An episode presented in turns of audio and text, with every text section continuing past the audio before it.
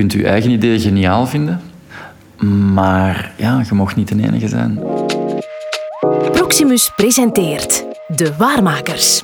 Een podcast over starters die op een goede dag een straf en duurzaam idee hadden en er sindsdien ook alles aan doen om dat idee waar te maken. Als je het simpel kunt uitleggen en het klopt ergens wel wat, en we maken een berekeningsje, tak, tak, tak, oké, goed.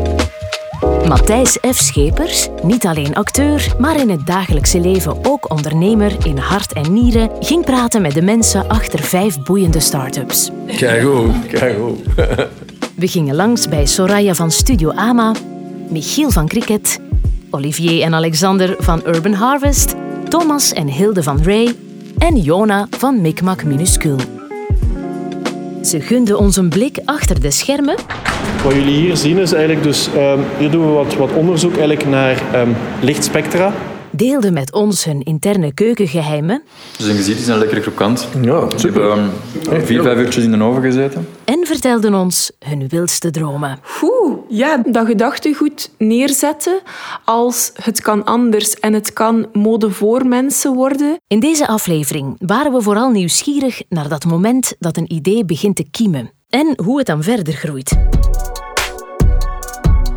De eerste waar Matthijs ging aankloppen was Jona, opstarter van Micmac Minuscule.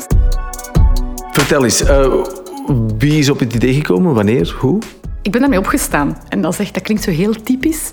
Maar ik ben echt op een bepaalde ochtend wakker geworden en gezegd tegen Gert, mijn vriend... Gert, ik heb een idee. Een tweedehands geboortelijst. Is dat niks? Hij begreep natuurlijk niet wat ik bedoelde. Dan heb ik dat uitgelegd, wat ik daarmee bedoelde. Ah ja, wat wij, wij zijn toch tweedehands zoekers, wij zijn tweedehands kopers, maar andere mensen, die doen dat niet. En die zien dat soms wel zitten om tweedehands te hebben, maar niet om te zoeken. Dan zouden we dat in hun plaats kunnen doen en op die manier ervoor zorgen dat er meer mensen tweedehands babyspullen hebben, omdat ze dat wel zien zitten, maar het eigenlijk niet zien zitten om het zelf te zoeken. Oké, zei ja, ja. De consultant in hem zei dan... Jona, volgens mij zit daar iets in. En dan zijn we daar ja, verder over beginnen nadenken. En hoe oud was je toen?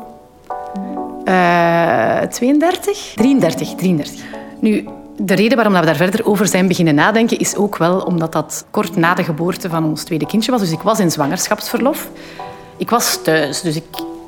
Dan heb je tijd om daarover na te denken. Allee, en je doet daar dan iets mee? Ja, ja, je doet daar dan iets mee, maar ik heb waarschijnlijk wel al ook andere ideeën gehad waar dat we nooit iets mee gedaan hebben, gewoon omdat we niet de tijd hadden op dat moment om dat idee tot rijping te laten komen. En ik denk dat er heel veel mensen met superveel ideeën komen of op ideeën komen heel de tijd. Maar je hebt zo vaak niet de tijd om daar iets verder mee te doen.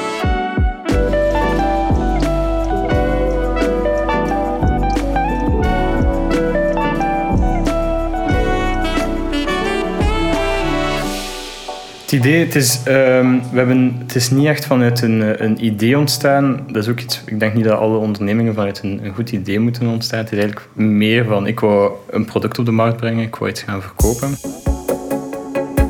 Ideeën komen inderdaad niet altijd uit de lucht vallen. Sommige mensen willen kost wat kost ondernemen en gaan dan pas op zoek naar het idee. Zo liep het toch met Thomas. Ik ben Thomas, ik ben eh, 27 jaar. Ik heb rechten gestudeerd hier in Gent. En eh, ben dan totaal iets anders gaan doen. Thomas runt namelijk het cosmetica-label Ray, dat hij heeft opgericht samen met zijn moeder. Ja, ik ben uh, Hilde Nijs. Ehm, op dit ogenblik ben ik eh, apotheker in eh, de Veldstraat in eh, Gent. En ben ik ook eh, bezig met, eh met Rij. Mijn moeder maakte al haar eigen cosmetica. eh, in de apotheek. Die verkocht ze aan haar, aan haar, aan haar, eh, klanten eh, of aan haar familie. Eh, op heel kleine schaal, niet gecommercialiseerd.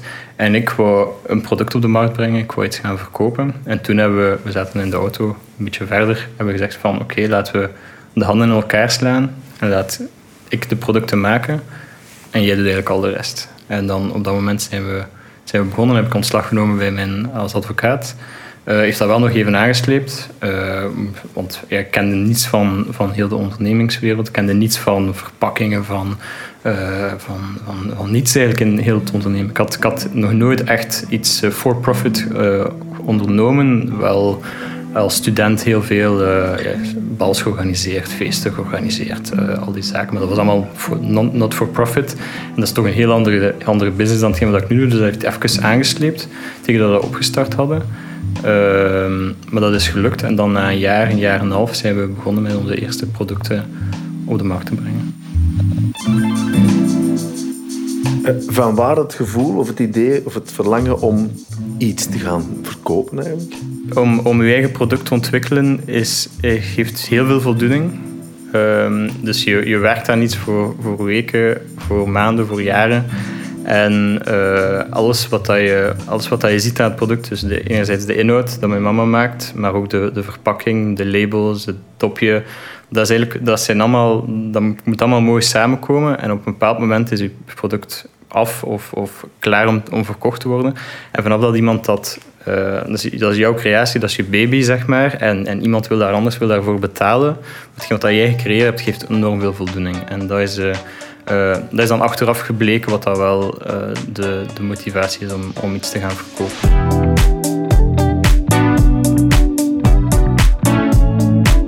En ik denk dat heel veel mensen, als ze gaan ondernemen, zijn ze op zoek naar, naar iets innovatiefs, naar iets, iets volledig nieuws waarmee dat ze de wereld gaan veranderen. De nieuwe Uber of de nieuwe Airbnb.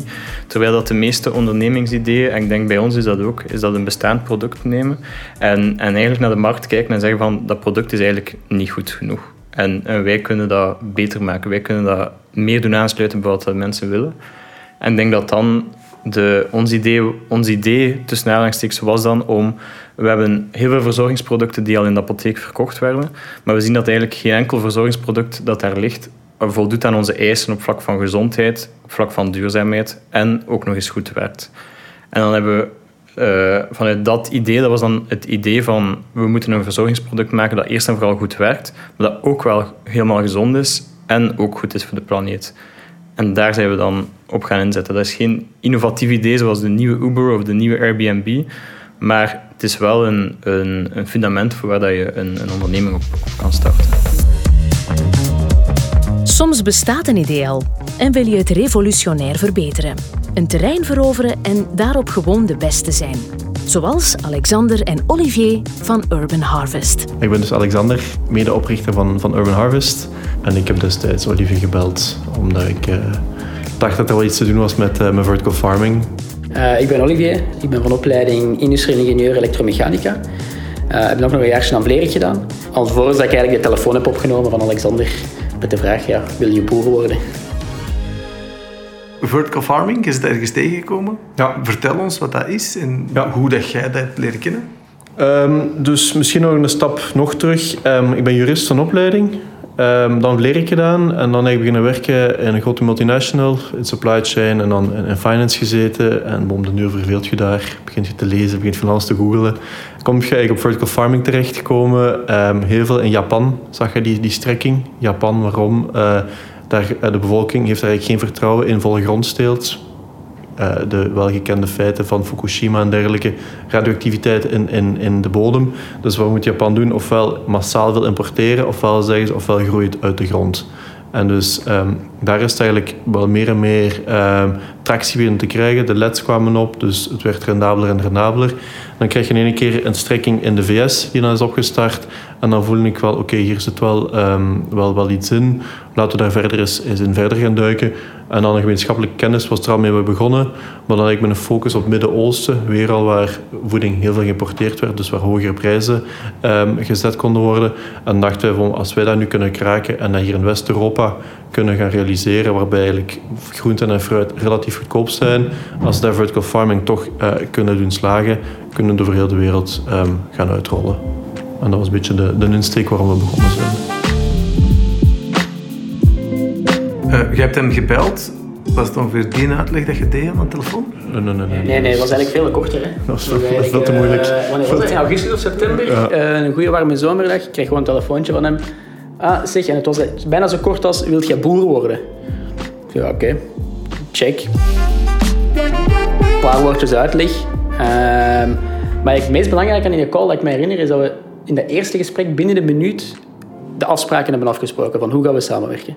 Namelijk? Van 50-50, dezelfde verantwoordelijkheid, of dat jij het idee niet had of niet. Tjak. En op wel een kwartiertje gebeld. Dan zijn we pint gaan drinken, broodje gaan eten daar om de hoek. Ja. En we zijn begonnen. Het zal ondertussen al duidelijk zijn. Weinig starters hebben gestudeerd voor ideeënmens. Thomas en Alexander zijn juristen, Hilde apotheker, Michiel journalist, Olivier ingenieur en Jona? Wat was uw beroep op dat moment? Ik ben dus een, een marketeer van opleiding. Eh, dus het is niet dat ik marketing als, als klein beschouw, maar het is, maar een, het is een deelaspect. En, en, en een start-up is geen deelaspect. Dat zijn alle deelaspecten bij elkaar. En dat maakt het gewoon spannender en toffer en blijvend interessant. En werd je een baas toen een beetje beu? Of was je- Totaal niet. Totaal niet, nee, nee, nee. Ik was eigenlijk in zwangerschapsverlof op het moment eh, zelf dat ik het idee had. Maar eigenlijk is bij de geboorte van mijn tweede kindje ook eh, borstkanker vastgesteld. En was ik ook in ziekteverlof. Dus ik ben redelijk lang in ziekteverlof geweest. Gedacht dat ik halftijd ging terugkeren naar mijn oorspronkelijke werkgever. Tijdens dat ziekteverlof zag ik plots van ja, dat, dat gaat hier groter worden dan die in halftijd. Ik, dat gaat niet lukken om terug te keren naar mijn huidige werkgever. Ik ga gewoon volledig stoppen en ik ga volledig zelfstandige worden. Dat was de reden. Ik had tijd. Ik had op dat moment, ik was wel in behandeling.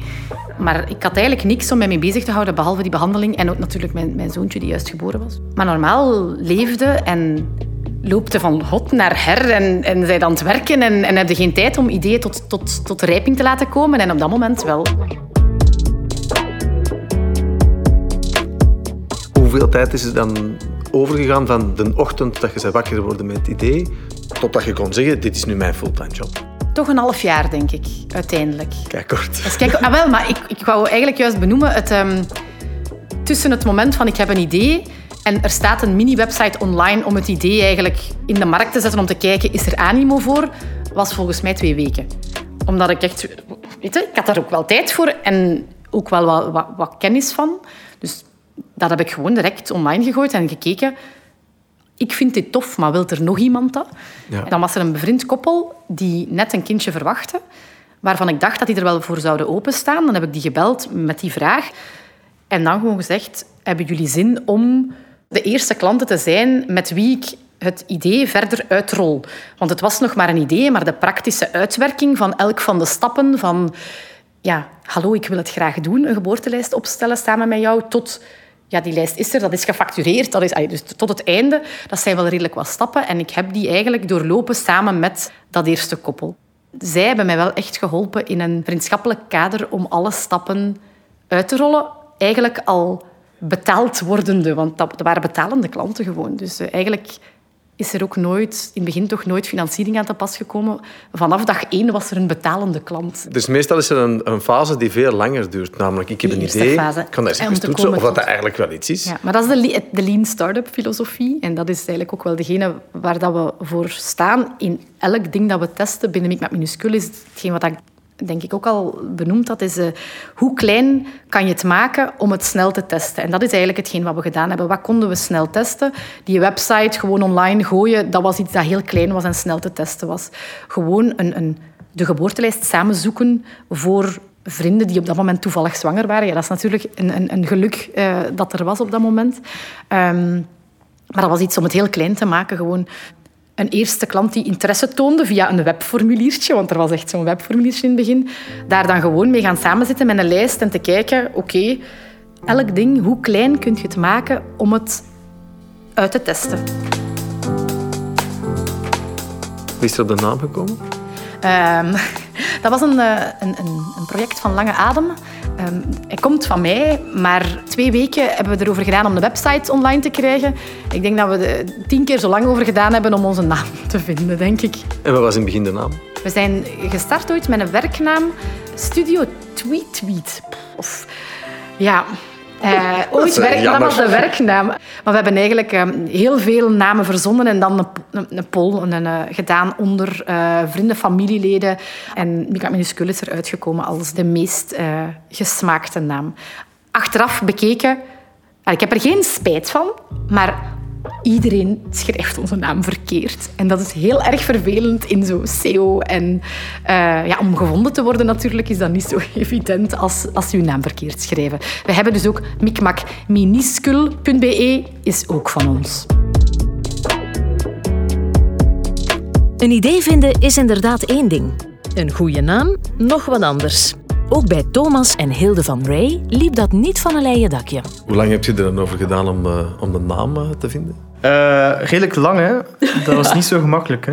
Nee. Nee, dat was niet zo gemakkelijk. Eerst was het mijn familienaam. Ja. Ja, Nijs. Dus N-Y-S, wat eigenlijk een oké naam is voor een product, hè, drie letters. Maar toen zag ik het niet zitten om op die verpakkingen te staan. Ik dacht, wow. En toen zei Thomas, ja, in het Frans klinkt dat ook misschien wel niet uh, als de mensen dat uh, in het Frans uitspreken of in andere talen uitspreken. Dus en dan heb ik het in uw kamp gegooid. Hè. Ja, het is zeer moeilijk om een naam te vinden. Je hebt daar uh, heel dure bureaus voor, die denk ik als je, als je heel veel budget hebt wel de moeite waard zijn. Maar dat hadden we niet. Uh, dus we hebben daar uh, lang over gebrainstormd en dat is echt... En op een bepaald moment moet je gewoon de knoop doorhakken en moet je zeggen, dat wordt het. Uh, en dan moet het nog juridisch gecheckt worden. En dan... Ja, en dan zijn er ook nog altijd mensen die zeggen van... Ja, nee, dat, die naam... En dat, dan beginnen we ja. te twijfelen. voilà, inderdaad. Dus dat is zoals bij alles. Welke slechtste naam herinner je De slechtste naam die ik me nog herinner, die, waarvoor dat mijn vrienden mij echt uitgelachen hebben, dat was Sensitive. Sensitive, ja, Sensitive, denk ik dat was. Dat weet ik niet. Zo sensitief verkeerd Ja, inderdaad. Ja, ja, dat was de slechtste naam. Uh, en en het, het hoongelach van, uh, van iedereen die, die, die, uh, die erbij was. Allee, ik was al advocaat, ik ging al shampoo gaan verkopen na mijn advocatencarrière. Dus dat was al iets wat op hoongelach werd, werd onthaald. Als, ja, als je als... vraagt aan Thomas, wat doe je? Hè? Dan zeg je, ik verkoop... ik verkoop shampoo. Ik verkoop shampoo, ja.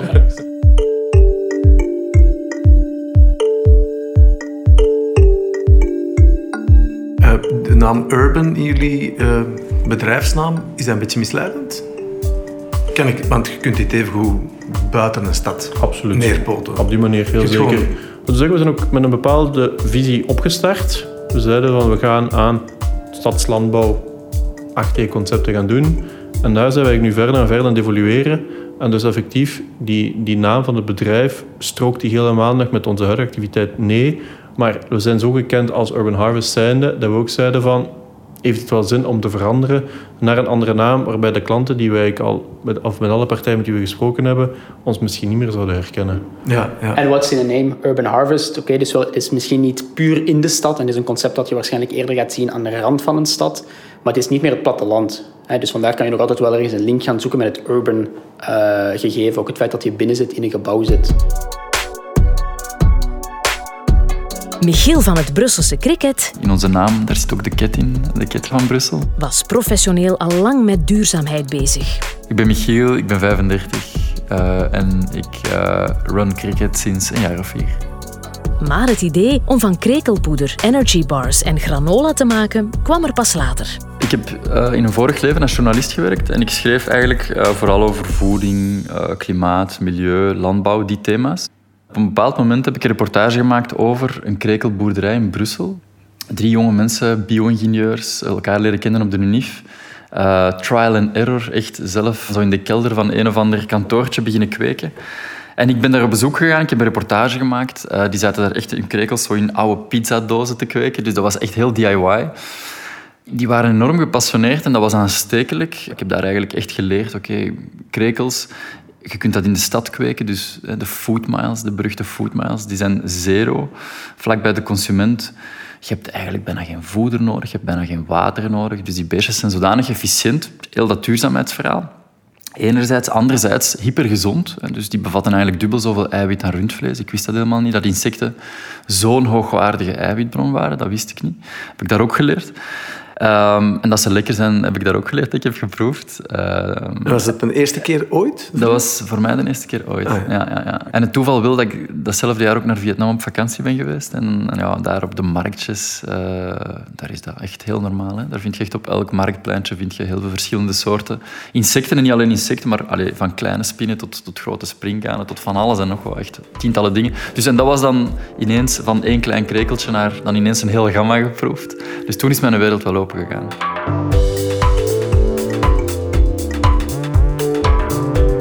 Wat dat de echte aanleiding was, of waar het idee van gekomen is, is toen we het met die gasten hadden over... Oké, een super tof verhaal, maar marcheert dat eigenlijk? Allee, hebben jullie een inkomen? Hoe, hoe zit dat? En toen werd het even stil. Ehm, ja, dus bleek dat dat heel moeilijk was. En ook logisch natuurlijk. Dus die, die staken heel veel tijd in de kweek. En daar is geen handboek voor. Hè. Als je vandaag kippen of varkens of koeien kweekt, moet je eens bellen naar Boerenbond, bij wijze van spreken. En die sturen nu in bijlage een hele handleiding door. Dat is niet bij krekels. Die kregen dat heel moeilijk naar de markt. En toen ben ik naar huis gewandeld en toen is dat eigenlijk beginnen gisten van hoe kan dat nu dat je eigenlijk zo'n beloftevolle eiwitbron hebt. Heel de wereld is op zoek naar alternatieve eiwitten, omdat we moeten. En ook omdat de consument hier meer en meer van bewust is.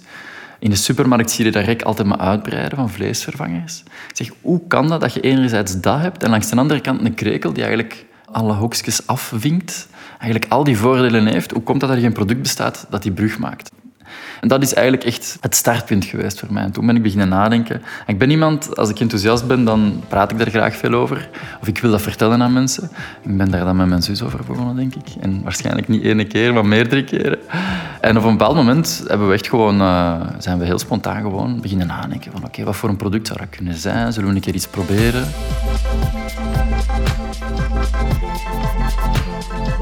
Wat is het eerste wat je gedaan hebt? Dan terug naar de gasten gegaan en gezegd, mogen we een doosje nemen? Of? Uh, ja, inderdaad. Mogen wij eens een kilootje krekelpoeder, uh, mogen we dat eens even uh, gebruiken en meenemen naar onze keuken? Zo, um, en wat is het eerste wat je gemaakt hebt?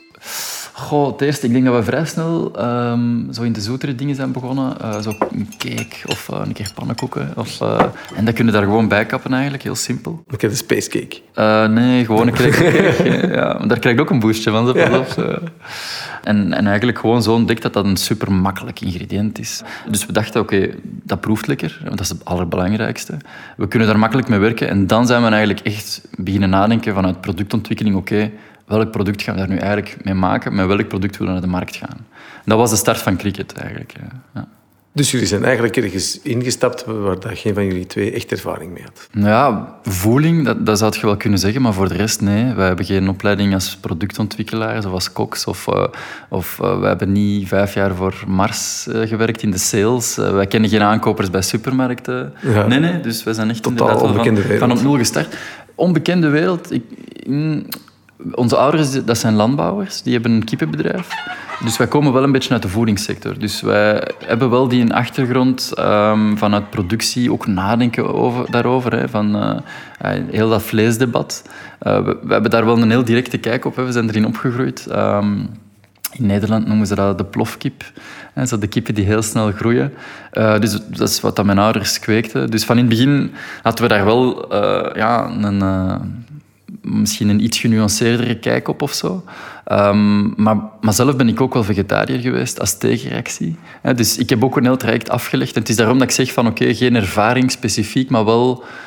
Mm, het is wel deel van mijn verhaal, dat merk ik wel. Het is, niet, het is geen toeval dat ik dit nu doe. Dat is geen toeval.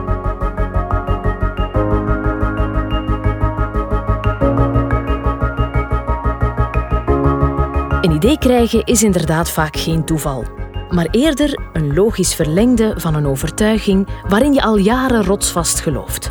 Zo was het ook bij Soraya van Studio Ama. Ik werkte nog in de massaproductie textielindustrie, waar dat ik ook door had van ik kan hier eigenlijk mijn ei totaal niet in kwijt. En ik heb dan als maker maakt je je eigen speeltuin bijna. Als je hem niet hebt, dan maak je dat. Ook dat is een onderdeel van ontwerper zijn. Ik moest vooral ook iets terug voor mijzelf doen. Ik ben toen rugzakken gaan maken. En ik dacht, ik maak de zo goed mogelijkste rugzak. En ik was al heel veel bezig met, met duurzame lifestyle en met de impact van textielindustrie op de wereld. Hoe kledij gemaakt wordt, hoe dat productieproces in het algemeen in elkaar zitten. Heel veel opgezocht over het beste textiel. En ik was aan een zware canvas, zo'n heel zware um, katoenen stof. En dat gevonden met het strengste, uh, de strengste certificaten.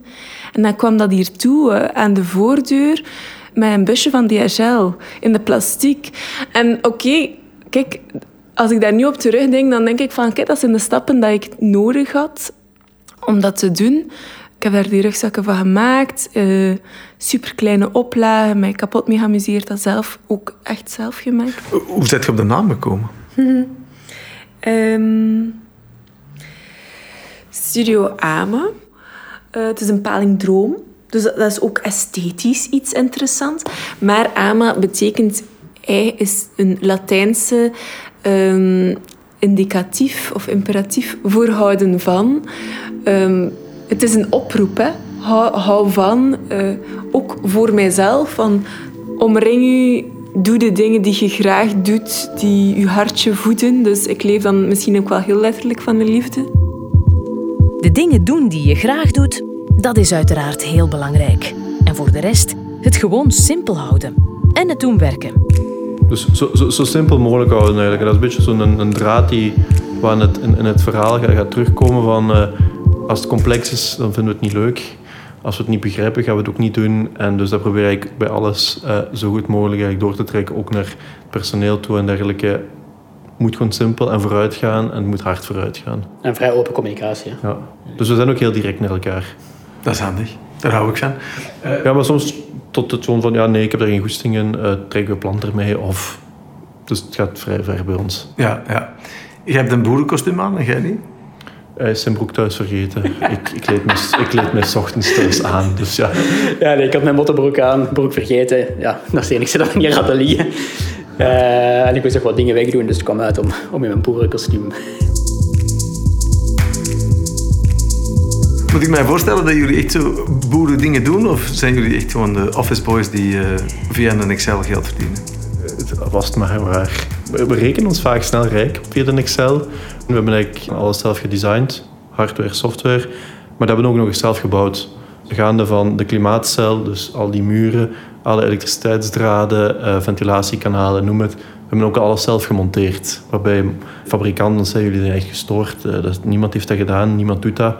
En ook weer al zo'n feitje dat we er, uh, ergens wel fier op zijn. Maar anderzijds heeft het ons heel veel bijgeleerd om, als we nu andere installaties gaan bouwen, hebben we een heel snel besef van als een leverancier ons in het zak wil zetten of zegt van installatietijd is zoveel, dan zeggen we, gast, dat kan niet.